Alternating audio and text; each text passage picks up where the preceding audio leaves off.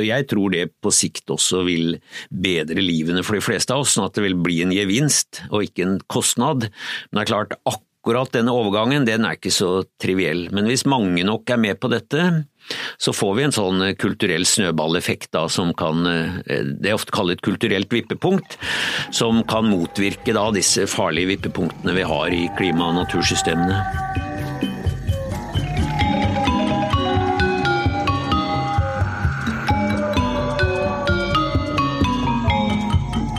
Dagens gjest her i Regnskogpodden er nok en stemme mange av lytterne våre kjenner fra før. Han er professor i biologi ved Universitetet i Oslo og leder Senter for biogeokjemi i Antropocen. Han har produsert hundrevis av vitenskapelige artikler, og dukker regelmessig opp både på radio og TV for å fortelle om naturen og naturens tilstand. I tillegg har han utløst et lite bokskred de siste årene, og sist ut var boka hans Liv, historien om universets mest spektakulære oppfinnelse. Mitt navn er Joe, og i dag får vi besøk av Dag Olav Hessen her i Reirskogpodden.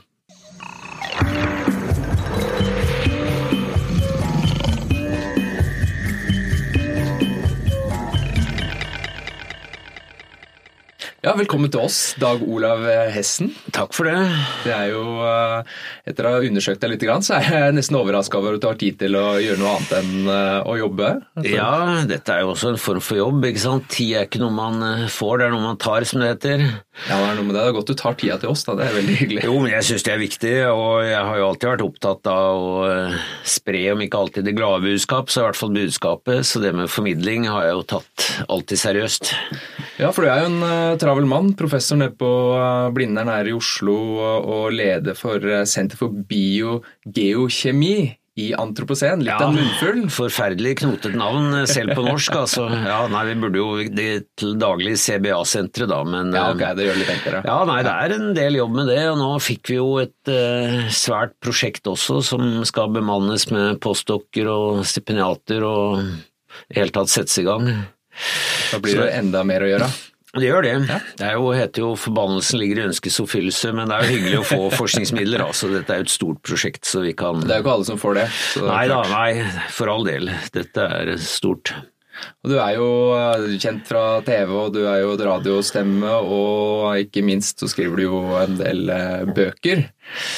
Som det er Du fyller dagene dine. Ja, det blir ikke så mye tid til å legge kabal og sortere i bindersamlingen, det gjør det ikke, men så skal man jo ha et liv på siden òg, og så er jeg glad i å gå på ski, så det blir ikke så, blir ikke så veldig mye dødtid, men det er greit, det, altså.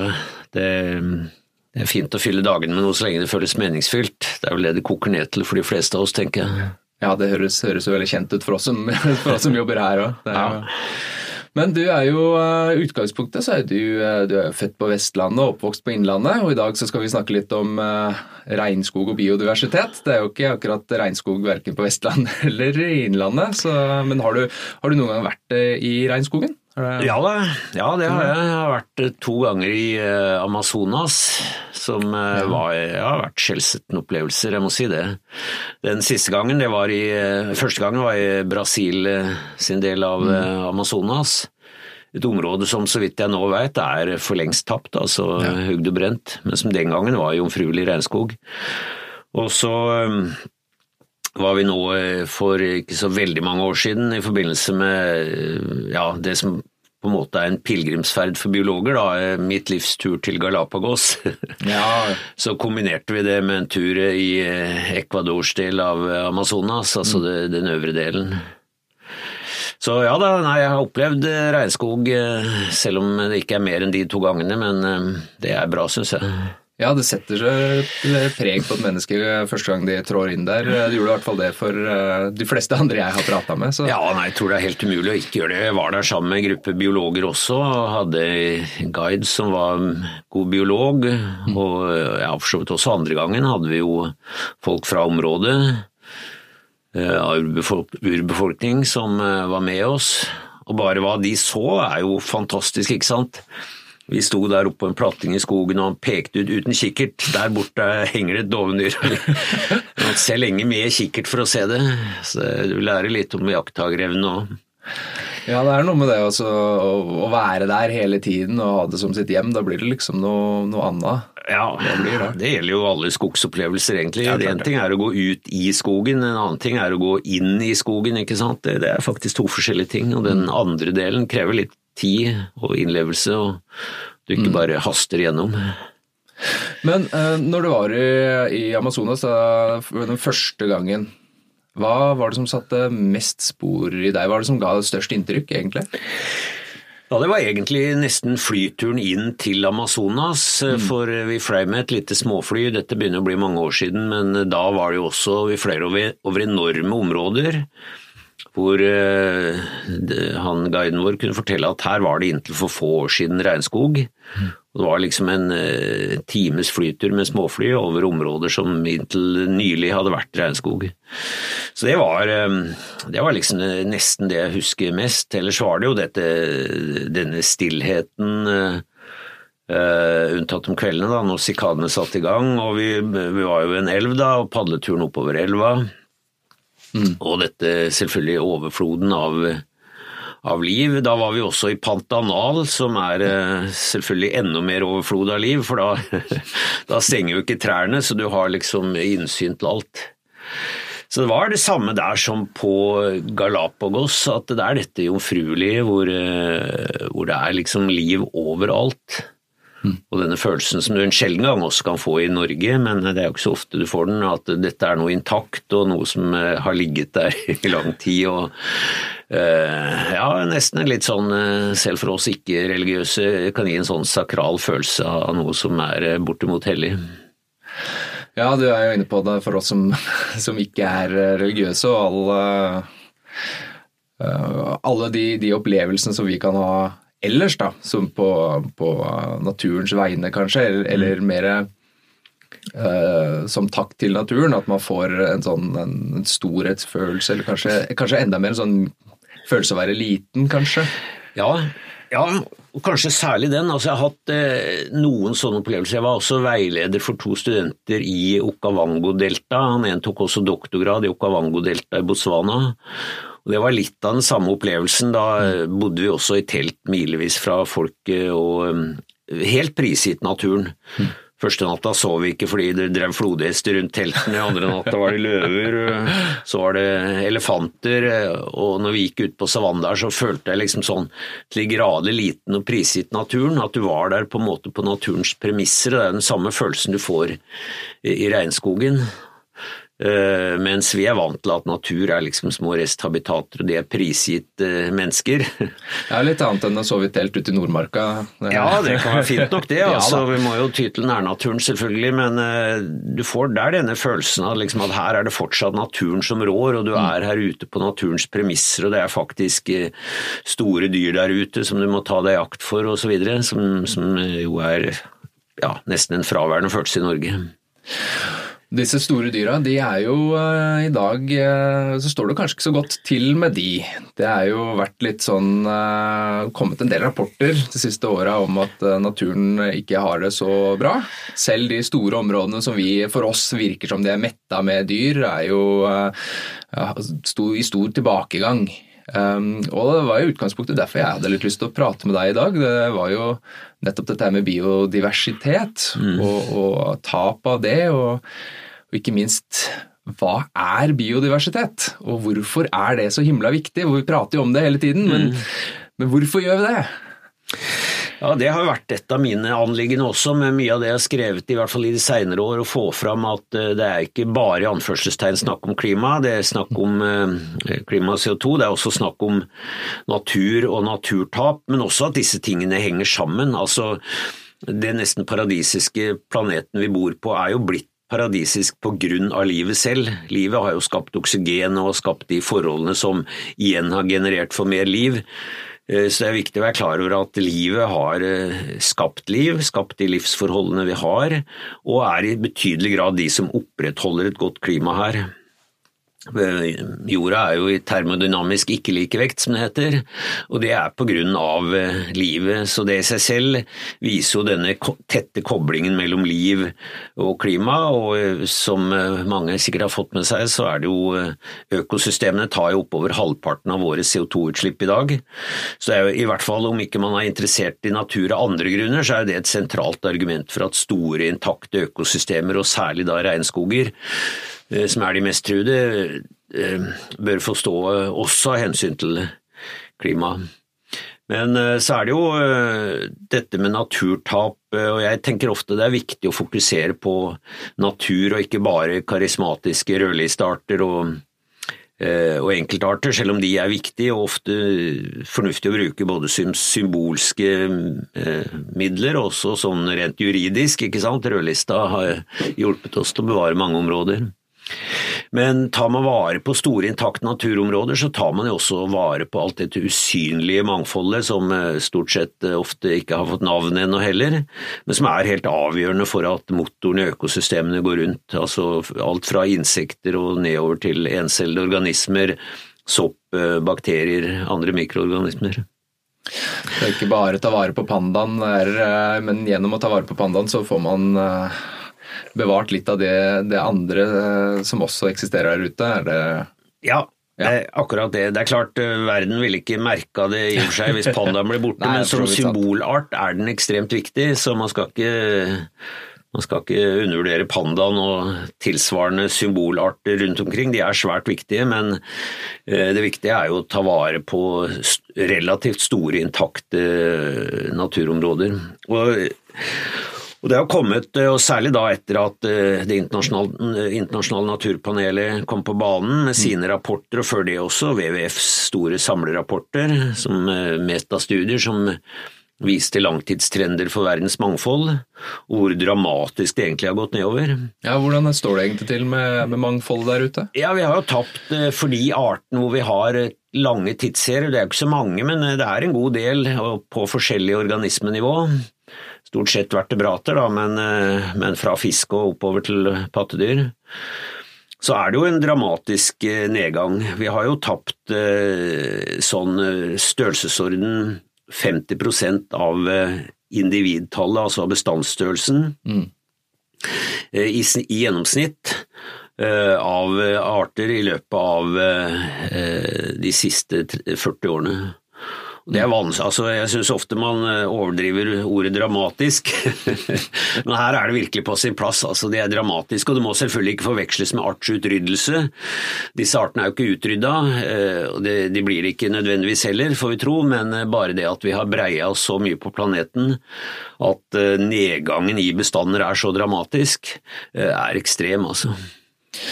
Ja, og i regnskogene så finner vi jo eh, sånn ca. 50 av eh, artsmangfoldet. Mm.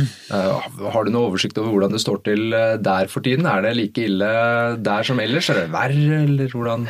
Nei, Man vil jo ikke forvente at det er like ille der, fordi mye av dette, denne artsnedgangen skyldes jo at habitatene har forsvunnet. I mm. noen tilfeller skyldes det jakt, selvfølgelig, krypskyting i havet, ofte overfiske. Men på landjorda er det jo stort sett det at vi har tatt landjorda i bruk til eh, eh, dyrkningsareal, grøfta myrer, bygd ned, eh, men også jakt, selvfølgelig. altså. Og i regnskogene så er det jo enn så lenge, i hvert fall de store intakte regnskogene, har jo mye av mangfoldet i behold. Men det er klart mange av de største artene krever jo svære arealer, svære biotoper. Så der hvor regnskogen har blitt forringet og man har fragmentering, så er det klart at eh, mangfoldet av de store artene også er på vei nedover. Men eh, den sørgelige sannhet er jo at vi veit lite om det, fordi det er for lite overvåkning av dette.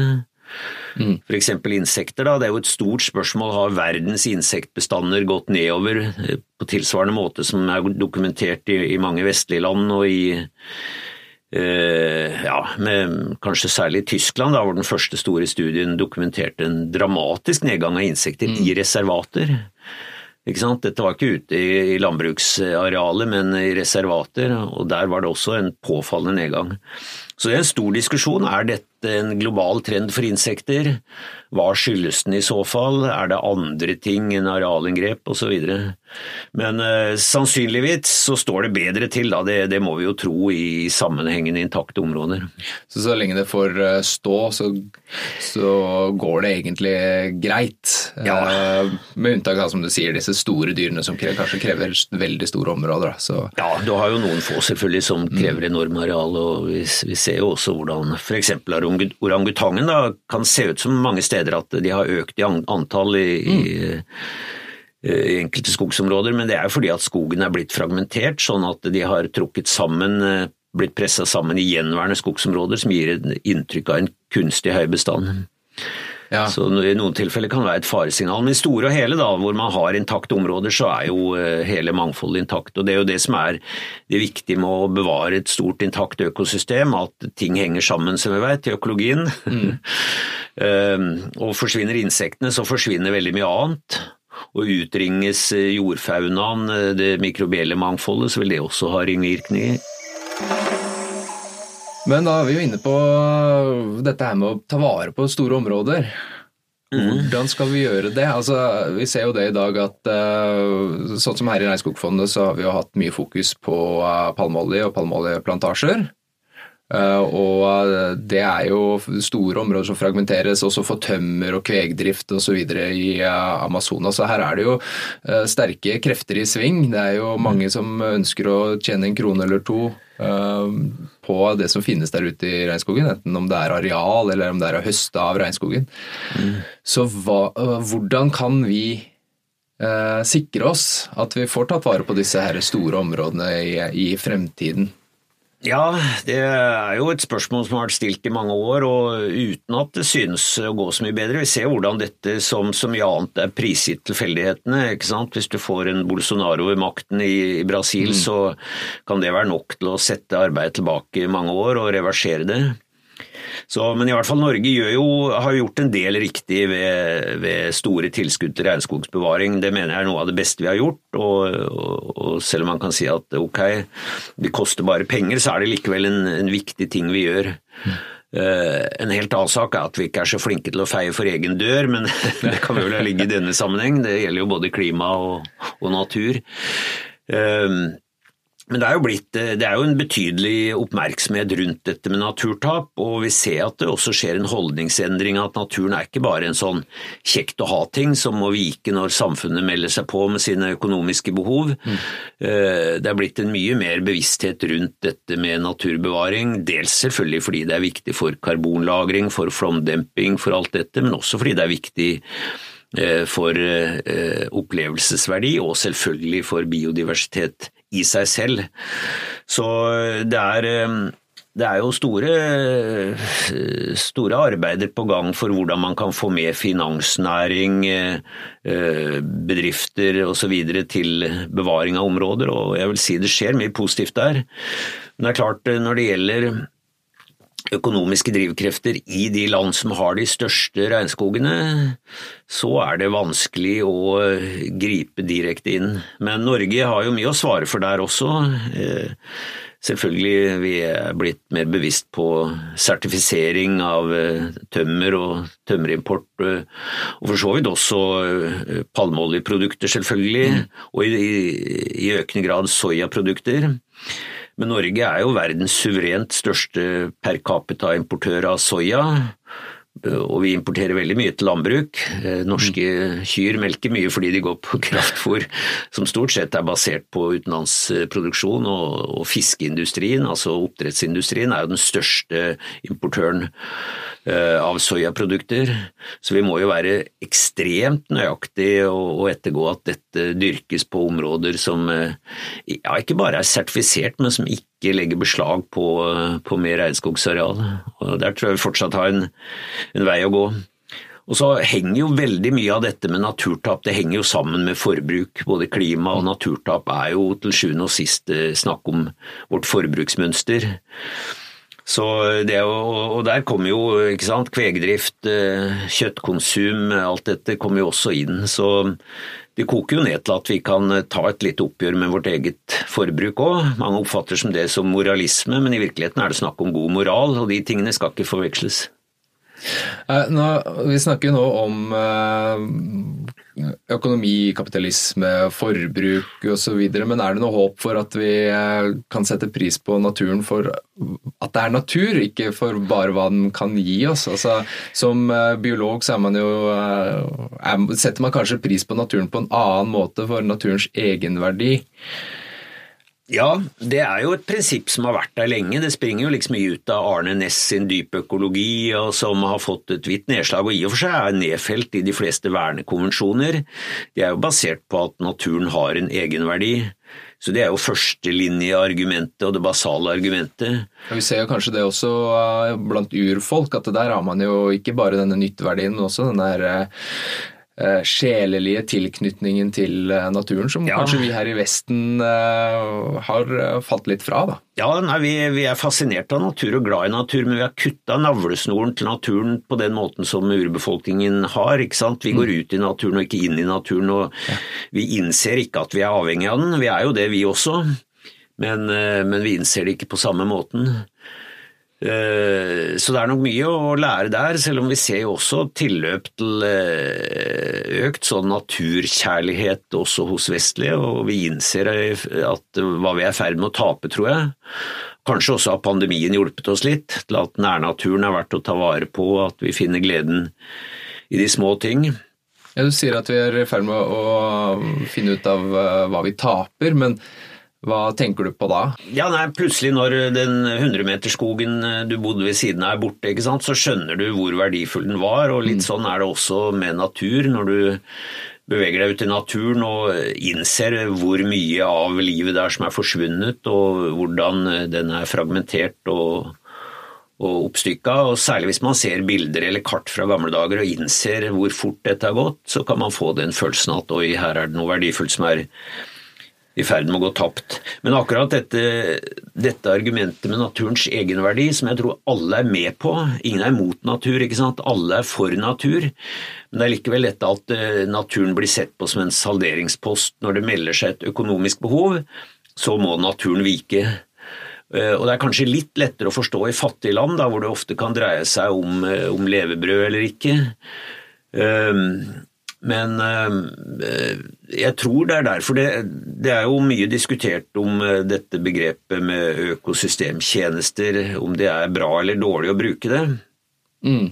Jeg satt jo dette utvalget som utarbeida den norske rapporten for norske økosystemtjenester, og der hadde vi jo disse, mye av disse diskusjonene. Men vi ser jo det at til tross for all velviljen som natur egentlig har da, fra de fleste, så Eh, og til tross for at alle er med på tanken om at natur har en egenverdi, så taper den terreng. Og Jeg tror dette skyldes flere ting. Dels fordi, eh, i hvert fall her til lands, eh, har vi fortsatt den naive forestillingen om at det er mer enn nok natur å ta. sant? Villmarkslandet Norge, og om vi bygger ned dette området i denne kommunen, så er det alltid nok i nabokommunene.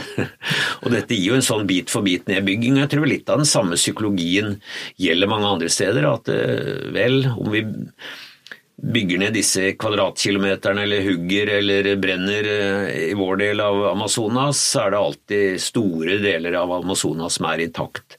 Og summen av dette vet vi jo, det blir allmenningens tragedie. Det blir en fragmentering og, øh, og etter hvert et irreversibelt tap.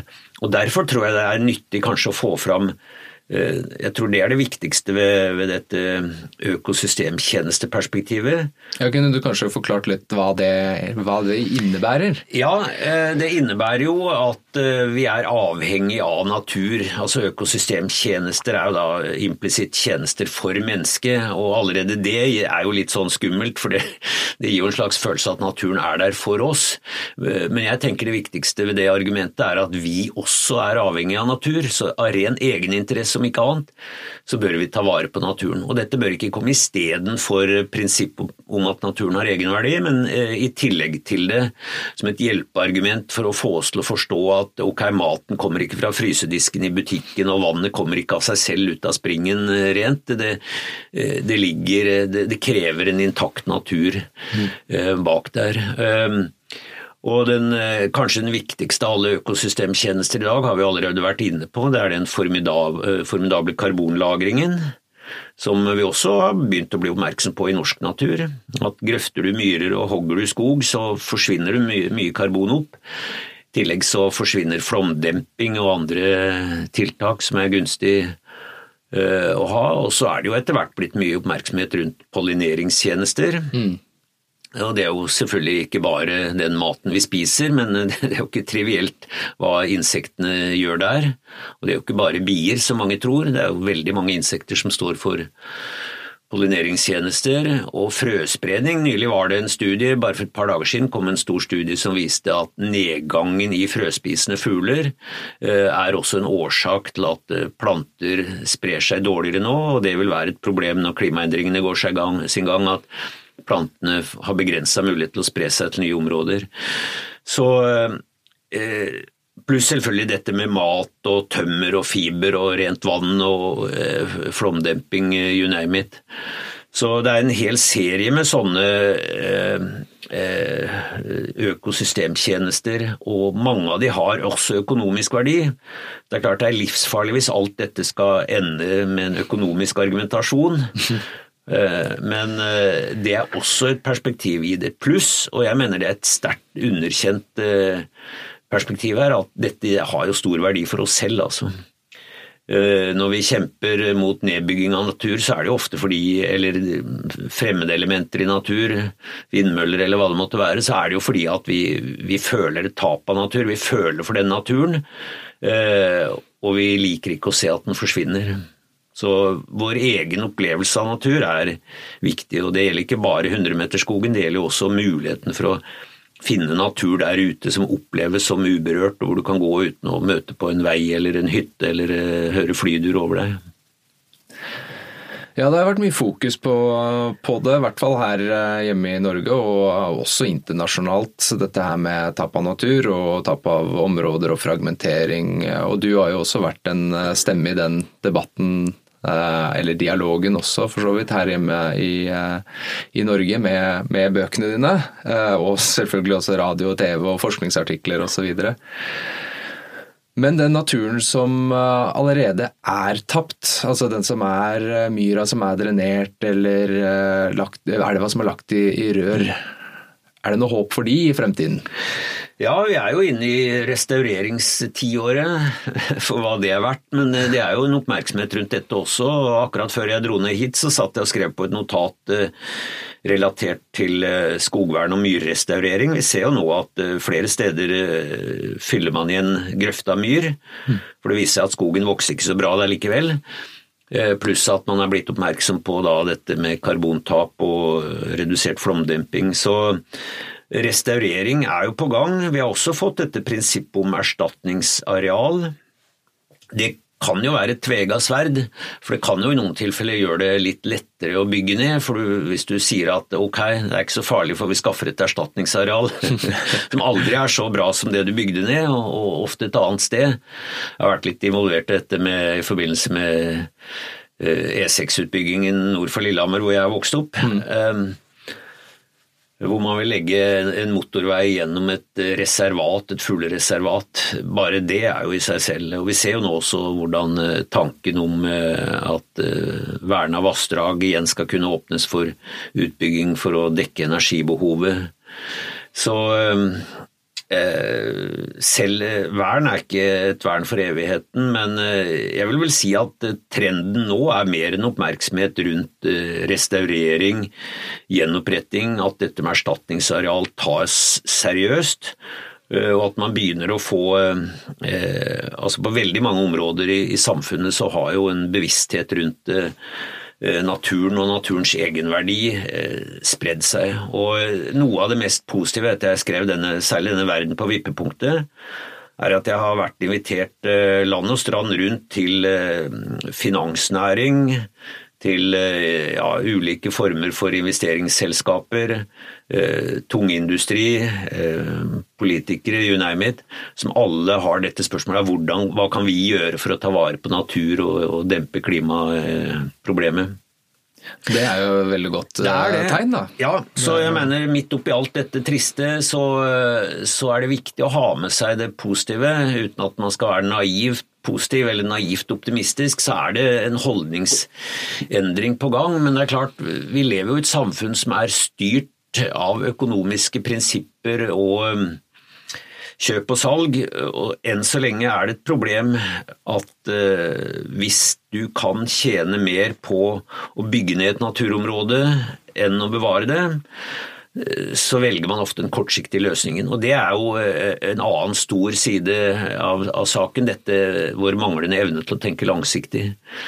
Vi må jo ikke bare ha et hundreårsperspektiv, vi må ha et tusenårsperspektiv eller titusenårsperspektiv perspektiv, og det er vanskelig for oss. Men det er klart, natur som ligger der, den vil jo levere disse gratistjenestene hvis vi velger å se på det. Den vil være tilgjengelig for oss og alt mangfoldet der i overskuelig framtid. Bygger vi den ned, så er det tapt.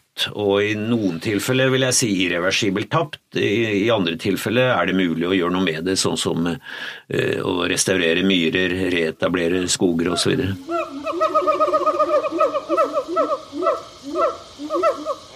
Så i dags perfekte verden, hvordan ville vi levd livet vårt dersom ikke økonomi og konsum skulle styrt, uh, styrt livene våre? Hvordan, uh, hvordan ville du sett for deg at verden skulle jeg tror vi kunne levd livene litt eh, i tråd med det som egentlig er det vi setter høyest her i livet. Hvis du spør folk hva er det som gir livet ditt mening og verdi, og det du setter høyest, eh, så er det jo ofte ting som er relativt CO2-frie og også ganske arealnøytrale. Altså det, er, det er jo naturen i seg selv.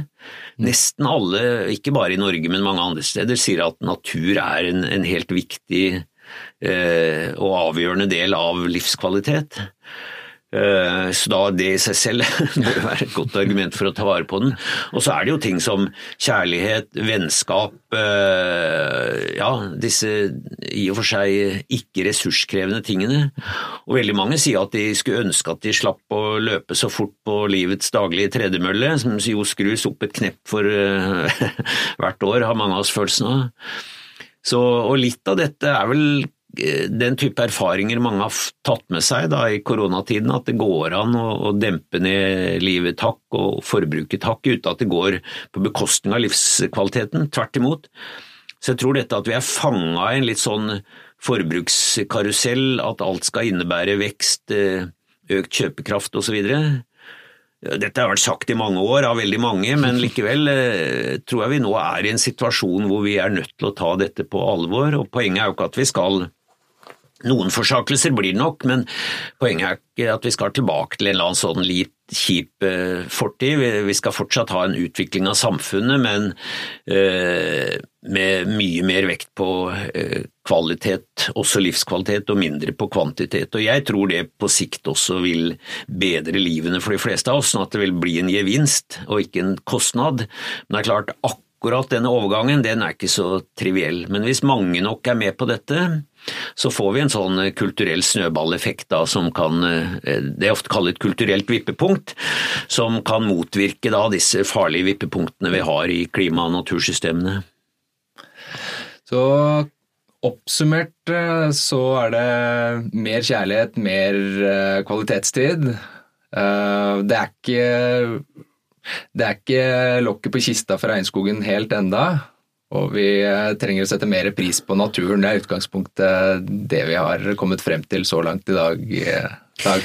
Ja, jeg mener det at eh, vi må ha det positive budskapet, den positive visjonen om framtida med oss. Samtidig så er det klart at vi, vi må ikke underslå alvoret i situasjonen og hva som kan skje. Altså Amazonas er jo et av de økosystemene eh, hvor man faktisk frykter at vi kan nå en, et reelt vippepunkt eh, allerede ved en og en halv eller to grader. At skogen blir så tørr og fragmentert og den indre hydrologiske syklusen brytes, at eh, det i løpet av noen tiår vipper over i en savanne.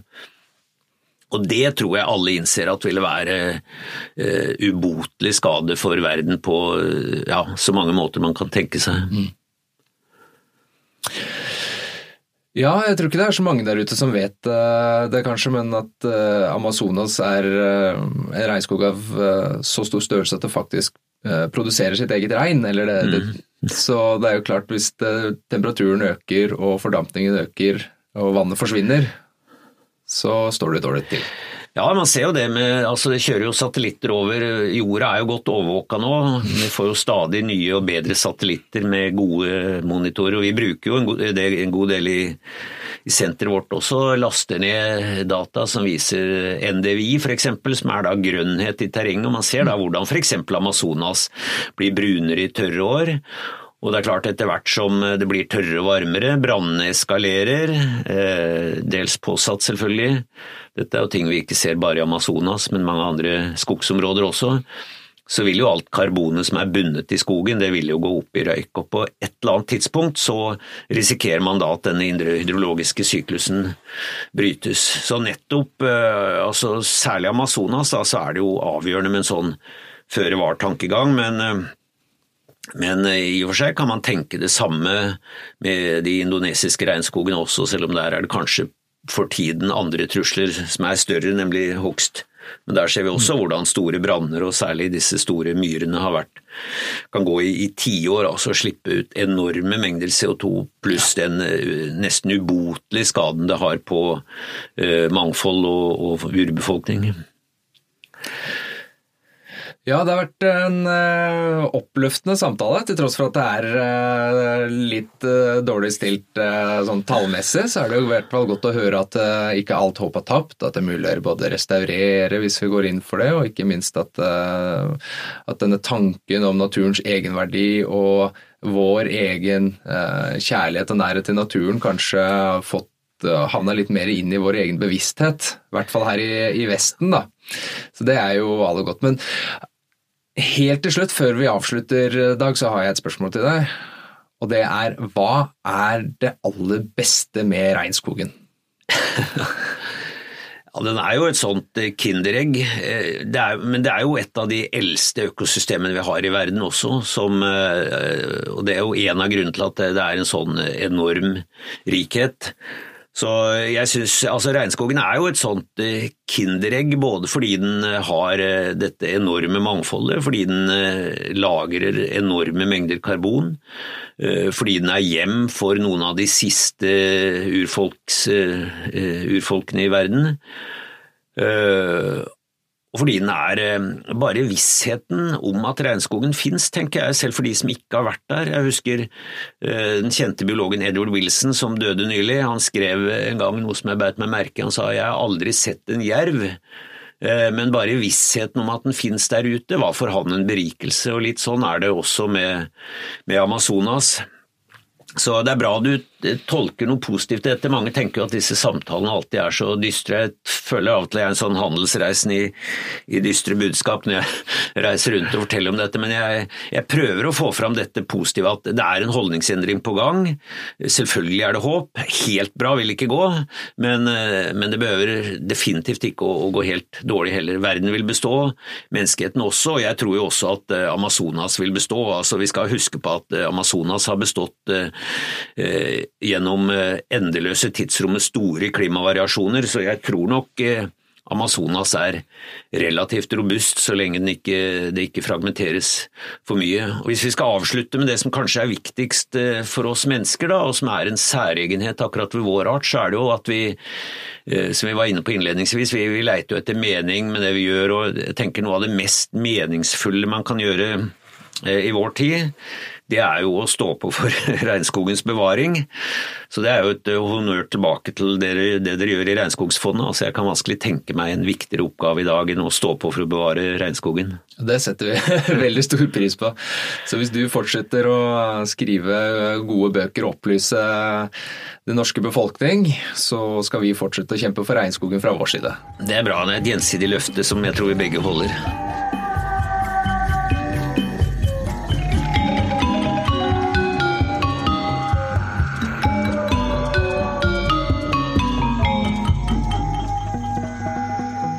Du har nettopp hørt på Regnskogpodden, en podkast produsert av Regnskogfondet med støtte fra Norad.